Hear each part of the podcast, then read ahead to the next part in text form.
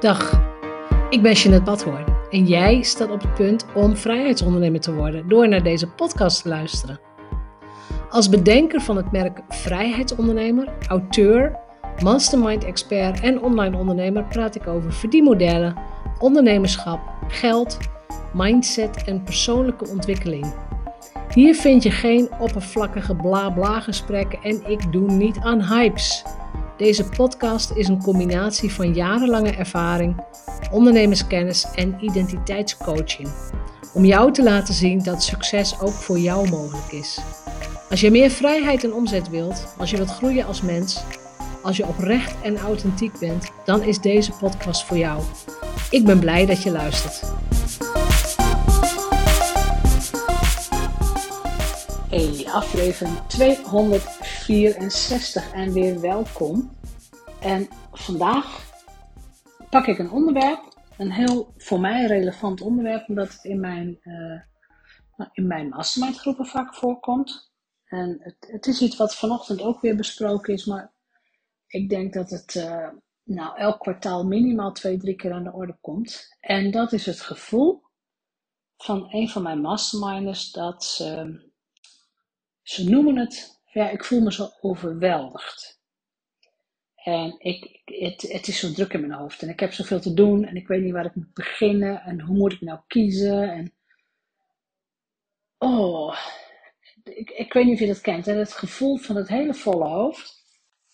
En dat je, je weet dat je iets moet, maar wat dan en hoe dan? En maak je wel de goede beslissing? En ik wil het eens hebben over het feit dat je overweldigd voelen helemaal niks in mijn optiek, niks te maken heeft met je overweldigd voelen, maar alles te maken heeft met angst. Angst om te kiezen, angst om het verkeerde te kiezen, angst om misschien te kiezen zonder dat je alle voorwaarden weet, dat je alle criteria weet, ook zonder dat je het gevolg weet of het resultaat. Angst. En wat gebeurt er dan? Dan, dan begint er zo'n soort vlammende slag van ja, dat, je, dat je je steeds overweldigd blijft voelen. Het blijft moeilijk om een beslissing te nemen. En ik, gewoon, ik pak eens een paar voorbeelden van uh, wat, nou, wat mijn masterminders de afgelopen jaren hadden, wat ik vaak zie en wat er gebeurt. Dus de eerste situatie is bijvoorbeeld, um, iemand heeft er nog een parttime baan bij. Dus iemand werkt nog in loondienst en weet diep van binnen dat ze dat eigenlijk niet meer wil. Maar ja, dat geld, dat salaris, die zekerheid die er is. Het is zo fijn om dat geld gewoon elke maand te krijgen, laten we wel zijn. En dan is er ook dat deel wat natuurlijk erom schreeuwt van ja, maar ik wil ondernemer zijn. Ik wil mijn eigen producten hebben. En dat kan zowel met iemand in loondienst als ook met een ondernemer die ehm, in opdracht, uurtje, factuurtje opdrachten doet. Dus bijvoorbeeld voor bureaus consultancywerk doet of zich laat inhuren voor bepaalde klussen via een bureau. En, uh, en hou me te goed, hè? het is allemaal prima dat je dat doet. Ik heb het zelf ook gedaan. Tot het punt dat je het niet meer wilt. Er komt een moment dat je dat gewoon niet meer wilt. En wat er dan gebeurt is, is dat eeuwige, die eeuwige strijd tussen hart en hoofd je intuïtie, je onderbewustzijn, je hart weet al lang dat je die baan of die klus niet meer wilt. Maar ja, dat geldt. Dat is zo lekker. Die zekerheid, dat is zo lekker. En als je dan week na week na week uh, blijft zeggen, ja, ik voel me zo overweldigd, ik voel me zo overweldigd, ik weet niet wat ik moet kiezen, ik weet niet of ik er goed aan doe, dan eh, is het het allerbelangrijkste dat je eerst die angst onder ogen gaat zien. Je moet eerst leren kijken naar waar ben ik nou bang voor als ik ga kiezen. Welke keuzes zou ik kunnen maken en wat zouden de gevolgen van die keuzes kunnen zijn? En als het gevolg, de ene keuze kan heel veel geluk brengen, maar heel weinig geld. Dat is een verdomd lastige keuze in het begin. Als je niet kiest en je hebt wel dat geld, maar je blijft ongelukkig, dan is dat ook een hele vervelende keuze. Weet je, dat, dat is ook niet wat je wilt. Dus Het allerbeste wat je kunt doen is duik in die angst. Waar ben ik bang voor? Heb ik bijvoorbeeld een spaarpotje nodig? Heb ik iets van drie tot zes maanden cashflow nodig? Zodat ik die baan kan opzeggen of zodat ik die klus kan stoppen. En hoe ga ik ervoor zorgen dat ik dus het potje ga opbouwen, dat ik, dat ik die cashflow ga hebben. Dus je hebt daar een plan voor nodig. En een plan, een zodanig plan, dat als je het plan met iemand bespreekt, of doorneemt, of aan iemand vertelt, dat je daar heel erg blij van wordt. En tegelijkertijd het ook heel spannend vindt. Dat is helemaal oké. Maar als jij blij wordt van het vooruitzicht dat jij volledig op eigen benen staat en volledig zelfstandig ondernemer bent en per maand minimaal zoveel geld binnenhaalt als met die baan of met die klus, dan is stap 1 van je plan al gelukt. En ik durf, nou ja, ik ga mijn hand er natuurlijk niet voor in het vuur steken, maar ik durf wel met zekerheid te zeggen, op het moment dat jij volledig achter die beslissing gaat staan, met echt hè, met een open hart en vanuit je happy place, waar ik het al veel vaker over had, dat er dan ineens dingen gaan stromen. Dat je dan ineens ook andere verdienmodellen gaat zien, dat je andere mensen gaat ontmoeten. Uh, en dat je misschien ook met je, met je opdrachtgever of je werkgever gaat praten van luister, het kan zijn dat ik tussen nu en zes maanden dit niet meer doe. Dus hoe gaan we dit verder afbouwen? Hoe gaan we de overdracht regelen? Want ik ga, en dan ga je natuurlijk je beste aanbod uitleggen. En dan ga je niet meer uurtje factuurtje werken, maar dan ga je zeggen, nou, ik draai alleen nog maar programma's van minimaal een paar duizend euro. En daar doe ik dan dit en dit en dit voor. En de meest riante situatie die je kunt hebben is dat je huidige uh, opdrachtgever of werkgever jou aan een volgende opdracht kan helpen, of dat hij je zelfs weer uh, terug inhuurt op jouw voorwaarden. Dus niet meer uurtje factuurtje, maar die angst. Die, die angst die hoort bij overweldigd zijn. Wat maakt, en dit is een vraag aan jou, hè, want die kan ik niet beantwoorden, maar wat maakt dat je niet naar die angst kunt kijken? Dat je niet kunt kijken naar wie ben ik zonder die baan of zonder die klus. Dus wie ben ik als die, weet ik veel, 2000 euro per maand niet meer binnenkomt? Wat gebeurt er dan? Wat, is de worst case scenario? En als het dan zo is dat je bijvoorbeeld meteen al uh, geen huur meer kunt betalen of je de hypotheek niet meer kunt betalen, ja, dan heb je iets te doen in je cashflow. Dan moet je zorgen dat je potjes gaat hebben. Want ik ben enorm voorstander van het feit dat je minimaal drie tot zes maanden je verplichtingen kunt, hè, dat je aan je verplichtingen kunt voldoen, zodat je tijd hebt om te bouwen. En ik zeg het heel gemakkelijk. Ik weet ook dat het kan. Hè. Zelf heb ik altijd echt een paar maanden uh, als reserve ergens op een bankrekening staan. Maar voordat je zover bent, moet je heel goed weten wat je plan gaat zijn. Dus het is niet zo dat je zomaar je baan opzegt. Je kijkt naar dat potje met geld en je denkt, nou, ik ga eens even lekker drie, vier maanden niks doen en ik ga er geld op maken. Dat is niet de bedoeling. Het eerste plan moet zijn, hoe kom ik aan mijn eerste klus? Hoe ga ik mijn eerste traject verkopen? Hoe ga ik mijn eerste klant in een programma krijgen? En daar heb je gewoon een paar weken voorbereiding tijd voor nodig. Je moet een goed aanbod hebben. Je moet weten voor wie je het maakt. Je moet ook weten of je dat netwerk al hebt, ja of nee. Maar alsjeblieft, alsjeblieft, alsjeblieft, blijf niet in, die, in dat gevoel van overweldigd zitten. Overweldigd zijn zitten. Blijf er niet in zitten. Want het is een gevoel waar je nooit uit gaat komen. Op het moment dat jij steeds weer aspecten toe gaat voegen aan je hoofd, hè, je steeds weer van, oh, ik zou dit kunnen kiezen, ik zou dat kunnen kiezen, dan wordt het gevoel van overweldigd zijn alleen maar groter. Als jij echt durft te luisteren naar je onderbewuste, dan krijg je een antwoord. En dat kan een antwoord zijn waar jij het heel erg benauwd van krijgt. Yes, I know. Dat kan een antwoord zijn wat je eigenlijk liever nog niet in de ogen wilt zien. Dat kan dus bijvoorbeeld betekenen, zeg je baan op, of stop die ene samenwerking, of hè, wat dan ook. Iets wat jou beangstigt.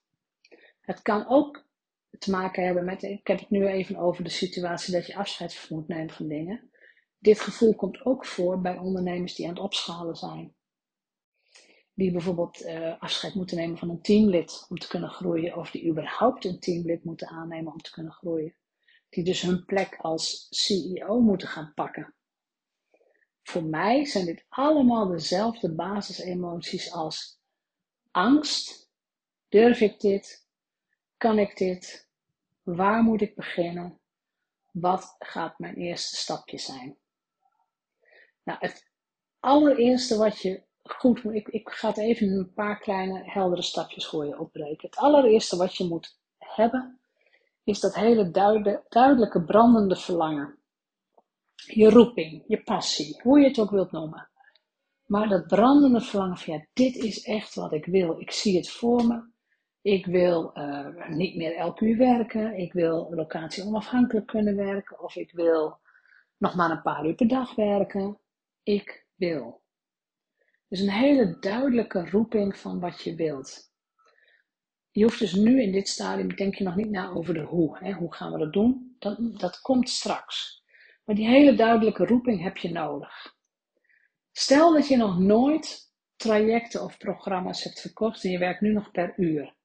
Dan heb je iets meer aanlooptijd nodig dan iemand die al een aanbod heeft van een paar duizend euro.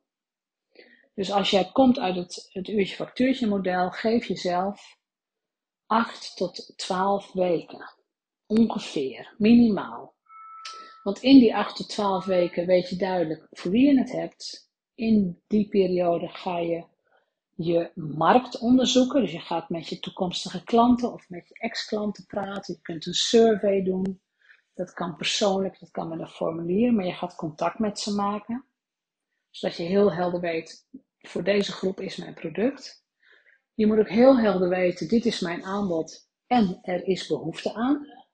je, als je, je kunt het met je hoofd bedenken, maar er moet ook een bepaalde behoefte aan zijn. Dus dat moet je testen. Dat moet je dat heb je gewoon te overleggen met je klant of met je toekomstige klant. Dat heb je gewoon te testen. En marketing wil niet zeggen dat je één keer roept van, oh, ik heb een programma en niemand reageert. Dat klopt. Laat ik je uit je illusie halen. Eén keer roepen dat je iets hebt, wil niet zeggen dat, uh, nou ja, dat de duiven binnenkomen vliegen. No.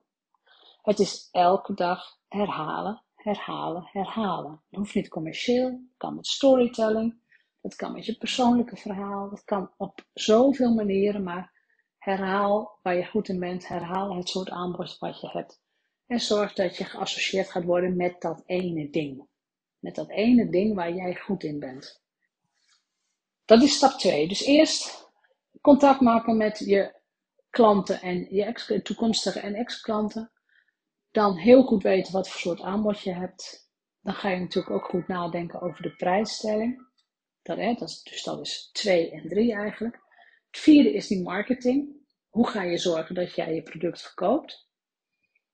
Is dat op sociale media? Is dat via netwerken? Je moet weten hoe je verkoopt. Je moet ook weten waar je klanten uithangen. Je moet weten hoe je ze, hoe je ze. Weet je dat nog niet? Dan heb je te experimenteren. Dan ga je gewoon dingen proberen. Je organiseert dus een online masterclass. Je organiseert dus een keer iets op locatie. Je gaat gewoon organiseren en je gaat kijken waar mensen op aanhaken. Misschien begin je ook een podcast, het kan van alles zijn. Maar je gaat iets doen. En dus ook meten. Je gaat ook analyseren wat werkt. Op het moment dat je dat weet, dus op het moment dat je weet van hé, hey, ik heb deze klant, ik heb dit aanbod, ik heb dit kanaal met deze boodschap, dan kun je dat nog versterken door er iets unieks over te leggen. Je zogenaamde unique mechanism noem ik dat.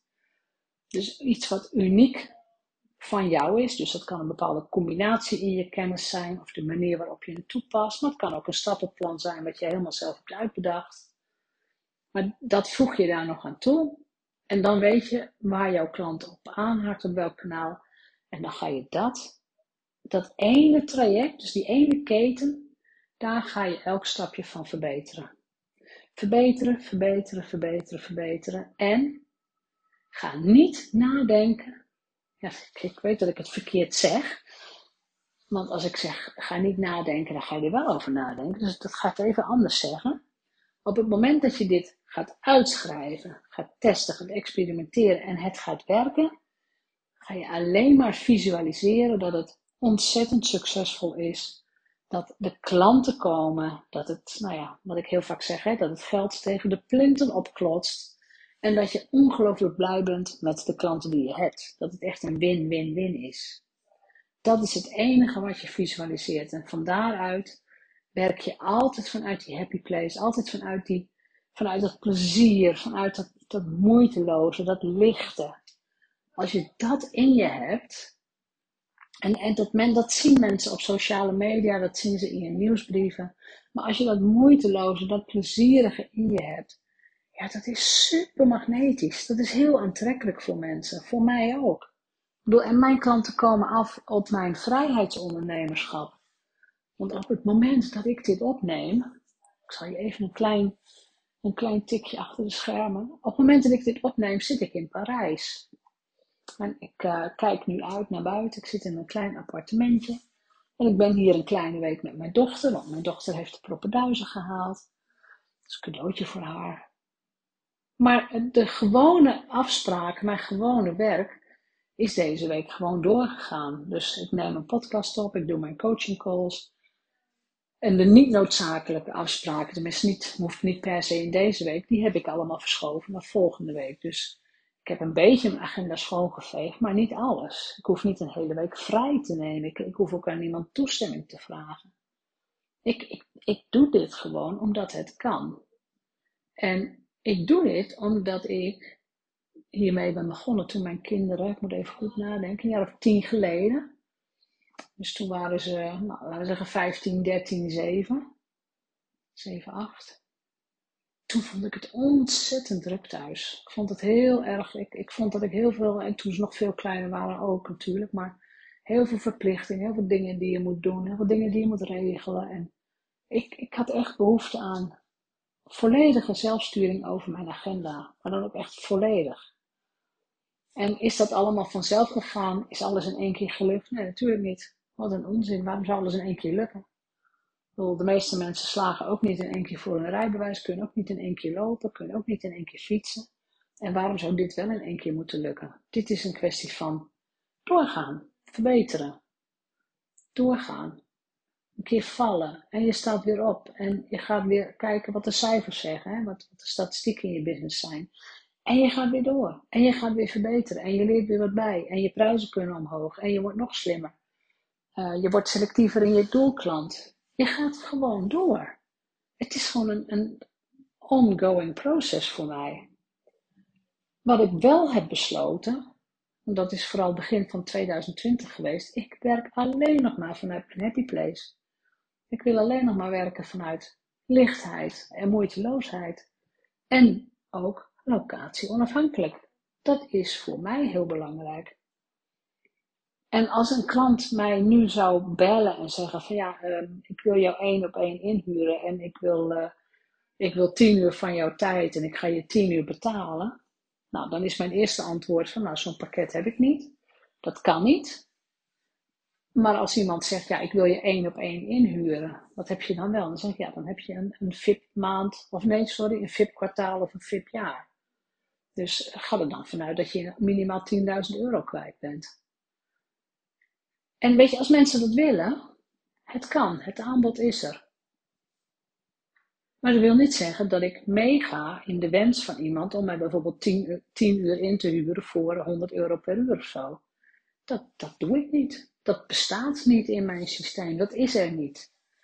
En ik raad jou ook aan om die spelregels super strak voor jezelf op te schrijven. Wat accepteer je wel van een klant? Wat accepteer je niet van een klant? Wat accepteer je wel van jezelf? En wat tolereer je niet van jezelf? Dat moet je ook heel helder weten. Want hoe beter je dat weet, hoe minder je ook een gevoel van overweldiging hebt. Dat bestaat gewoon niet. In mijn hoofd, ik weet precies wat ik moet doen. Ik weet welk aanbod ik heb. Ik wil niet zeggen dat ik het af en toe niet heel druk heb. Natuurlijk heb ik het druk. Maar niet elke dag. Natuurlijk heb ik werk te doen. Maar ik hoef het niet te doen om vier uur maandagmiddag omdat mijn baas dat zeg, zegt. Ik doe dat als ik daar tijd voor maak, als ik het inplan. En ja, die, die autonomie is mij ongelooflijk veel waard. En het kan dus zijn dat mensen niet met mij willen werken om die reden. Nou prima. Het, het, het, dat is prima. Ik heb een prima business en daar kunnen ontzettend veel leuke mensen bij als het gaat om de mastermind groepen.